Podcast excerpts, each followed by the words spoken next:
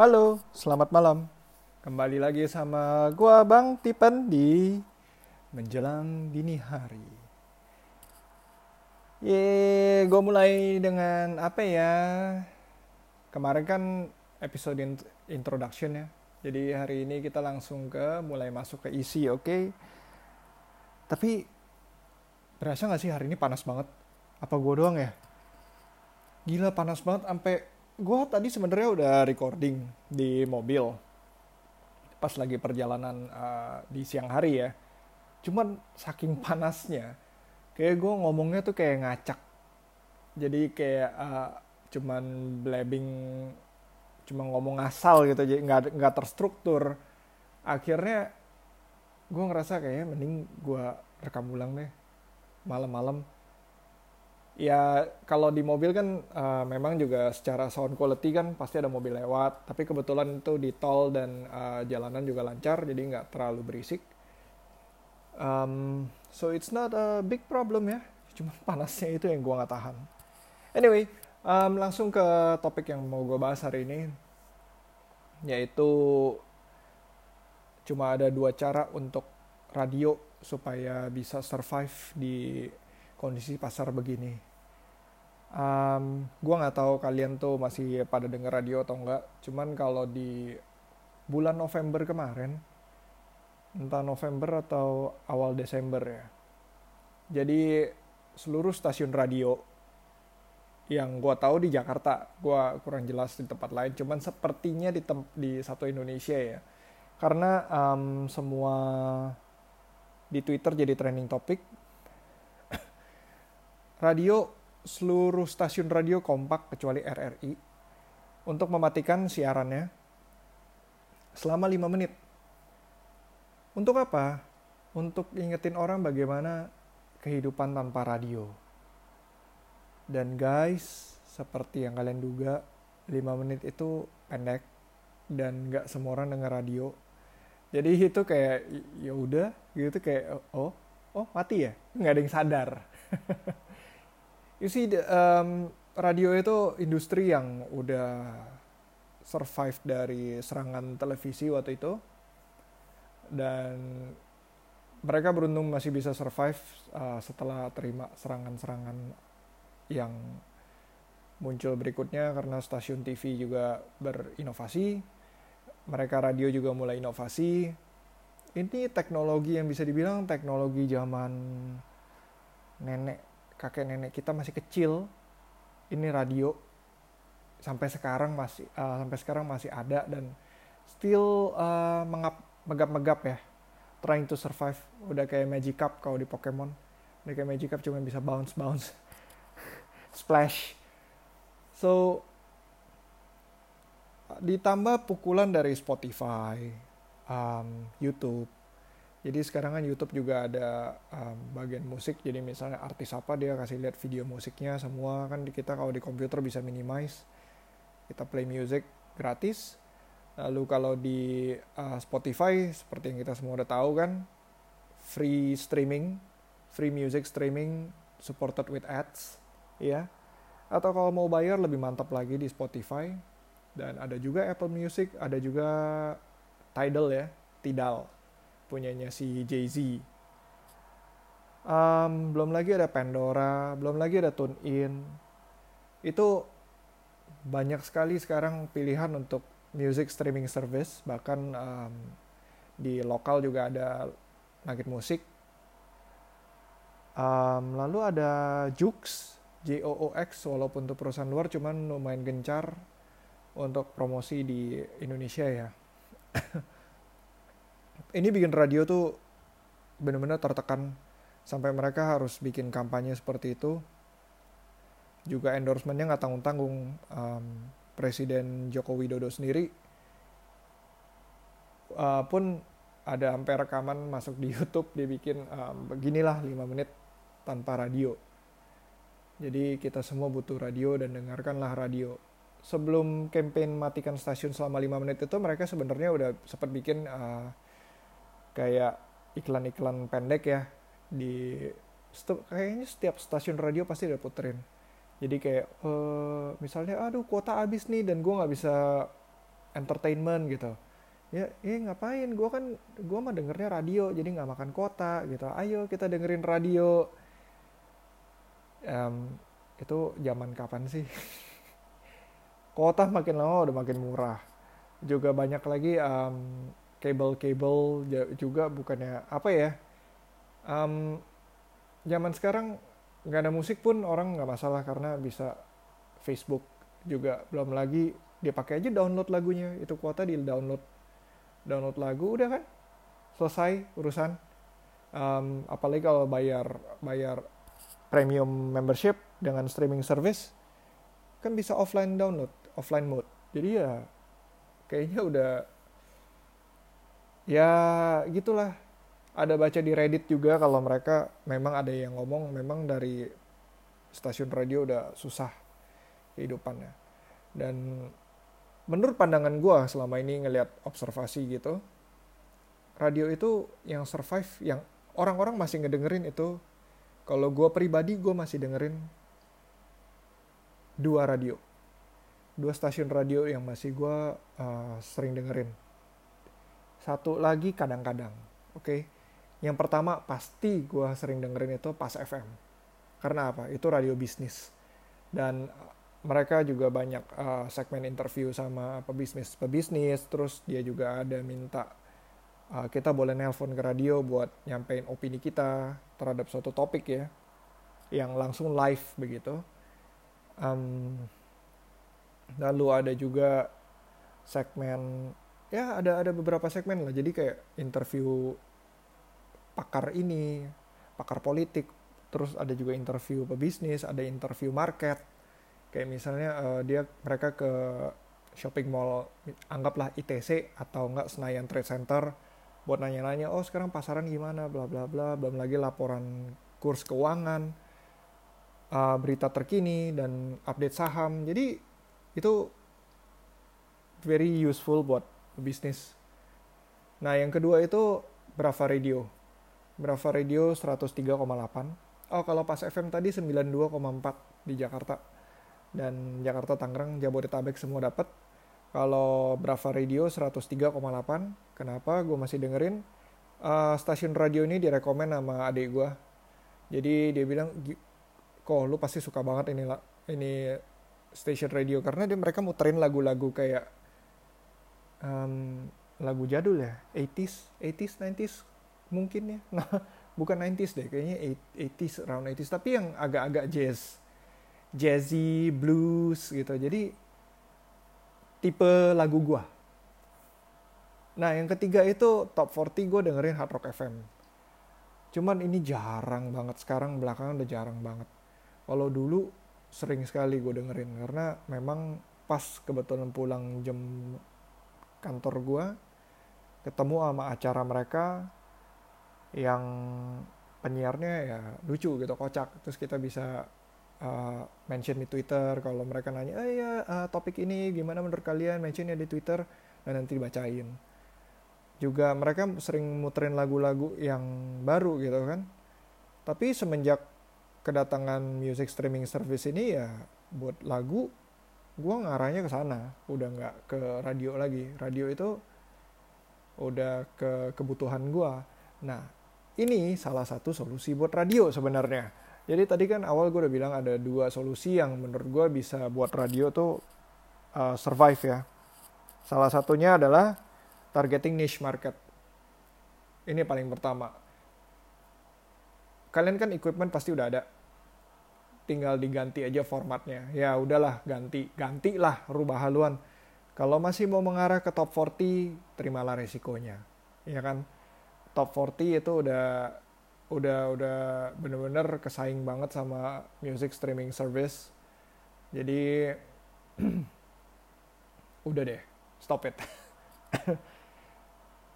juga mereka kadang uh, music service ini bisa lebih update bisa lebih update nah mendingan targeting niche market. Maksudnya niche market tuh seperti apa? Seperti yang gue bilang tadi kalau pas FM itu adalah radio buat para pebisnis. Kayaknya hampir pebis hampir rata-rata pebisnis yang gue kenal semua denger pas FM buat dengerin berita terbaru update kurs yang tadi gue udah bilang ya banyak ya.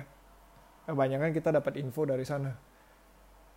Um, dan juga ada misalnya dulu zaman tahun berapa ya tahun 2000 awal gue sempat ada denger radio radio jazz.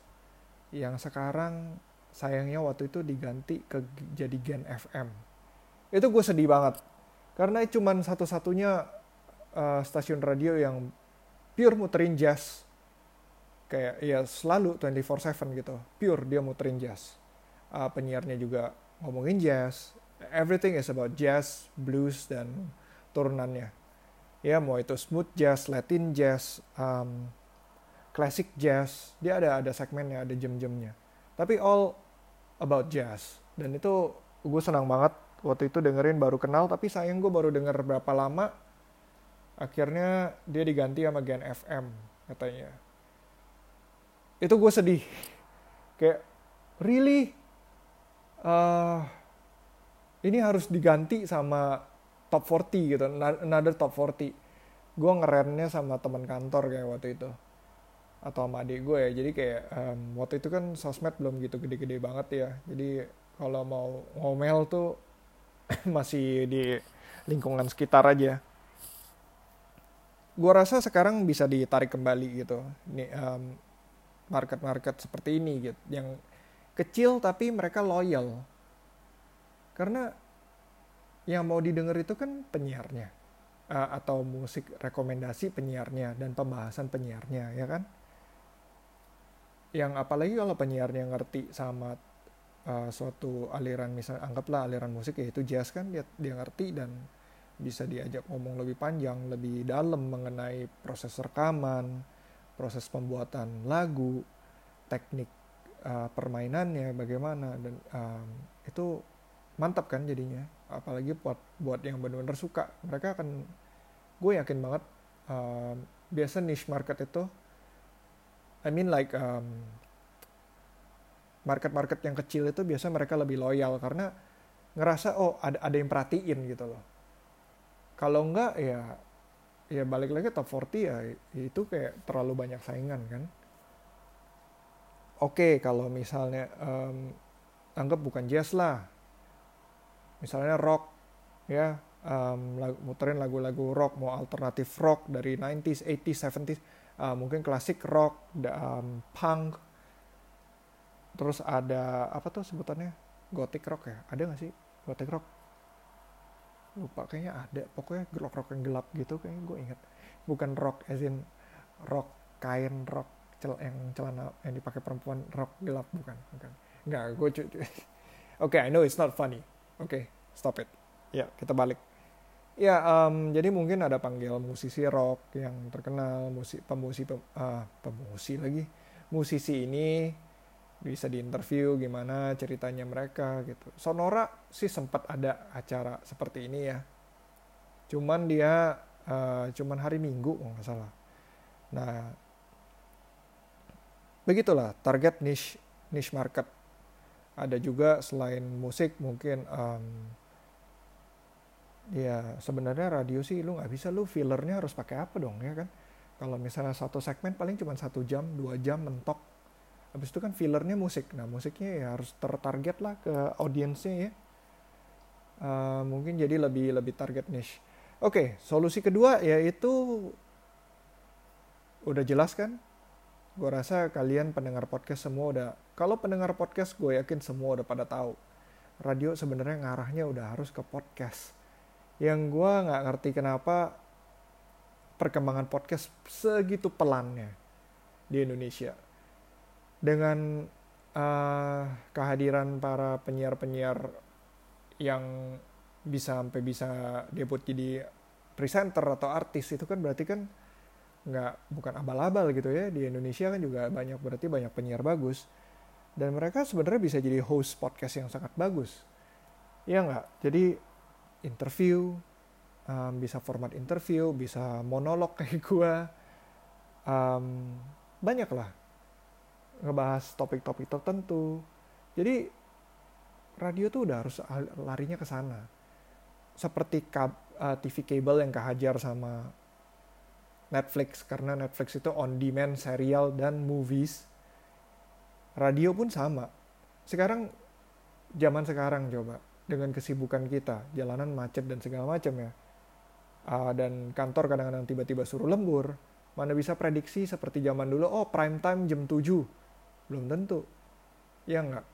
Yang mungkin pendengar-pendengar loyalnya radio belum tentu lagi sambil ngedengerin. Dan mereka prefer on demand zaman sekarang zaman on demand gue mau ngebaca pesan di saat di waktu gue gue mau ngedenger musik di waktu gue gue mau nonton di waktu gue kenapa Netflix bisa hidup kenapa Spotify hidup dan kenapa messaging apps hidup? Kayak WA sekarang lu nelpon orang. Orang orang tua gue masih kayak oh, lu kalau mau ini nelpon harus harus kontak uh, customer lu harus nelpon.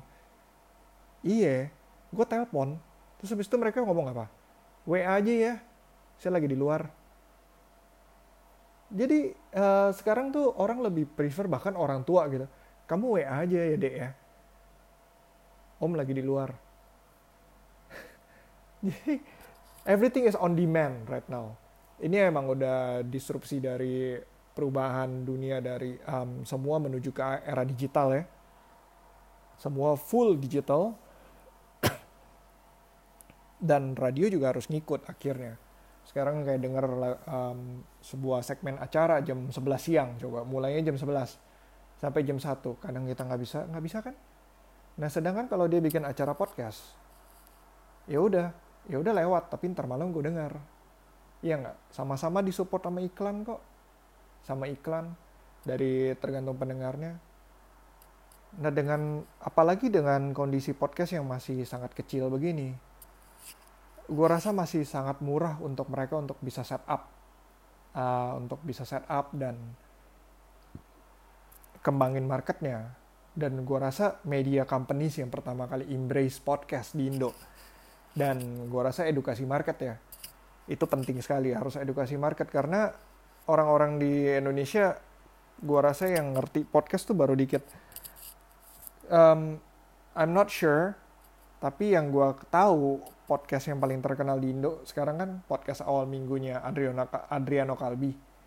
Gue lihat subscribernya juga baru 900-an.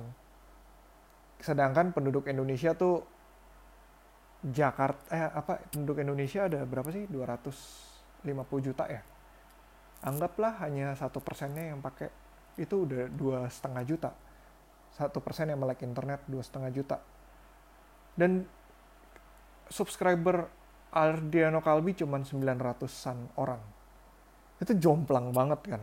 Jadi itu masih market masih harus diedukasi bahwa um, betapa banyak sekali konten yang ada di podcast gitu. Dengerin musik, uh, dengerin ngabisin waktu gitu ya jangan cuma dengerin musik bisa juga dengan ilmu pengetahuan dan segala macam dengan podcast dan menurut gue tanpa adanya dukungan dari media-media besar gue rasa susah untuk podcast bisa berkembang di Indonesia ya. Di Amerika sendiri udah ada uh, media companies yang bikin bikin podcast baru kan. Kayak NPR, Gimlet, uh, Five by Five. Ini ini pelan-pelan mereka sudah ngarah berkembang. Uh, even news radio kayak BBC um, apalagi tuh CNN itu juga udah ada, NHK udah ada podcastnya. So, kenapa cuma di Indonesia kita yang belum mulai nih? Tinggal tunggu kapan mulainya aja. Padahal ya secara sub uh, apa equipment mereka udah ada. Ya kan penyiar udah ada, equipment udah ada, sound engineer udah ada. Cuman gue yakin sebenarnya perusahaan-perusahaan ini cuman nggak mau move on aja sih mereka bisa. Dan gue rasa pilihan podcast itu udah menjadi salah satu agenda mereka salah satu pembahasan cuman gue nggak ngerti kenapa belum di embrace so ya lihat aja ke depannya bagaimana. Um, harapan gue tentu podcast di Indonesia bisa maju. Podcaster-podcaster uh, kayak kita kita gini yang masih kecil-kecil tuh hawa-hawanya tuh kayak ibarat stasiun radio AM ya yang bener-bener masih amatur banget ya. Kita ngomong belum ada sound engineer ngedit juga ngedit sendiri ngomong-ngomong sendiri cari tamu juga ya cari tamu sendiri iklan. Nggak usah mimpi deh tar dulu. Tar dulu iklan belakangan. So ya itulah dua solusi. Yang pertama target niche marketnya. Dan kedua carilah podcast. Bikinlah podcast uh, yang tentu yang gua lebih berharap ya mereka ngincer ke podcast. Sayang juga sih karena ada banyak radio-radio bagus yang mulai mulai goyang ya. Banyak penyiar-penyiar yang juga seru-seru, lucu-lucu. Tapi mereka kalau sampai radio tumbang kan ya sayang banget kan skillnya mereka, bakatnya. Paling jadi presenter. Ya nggak?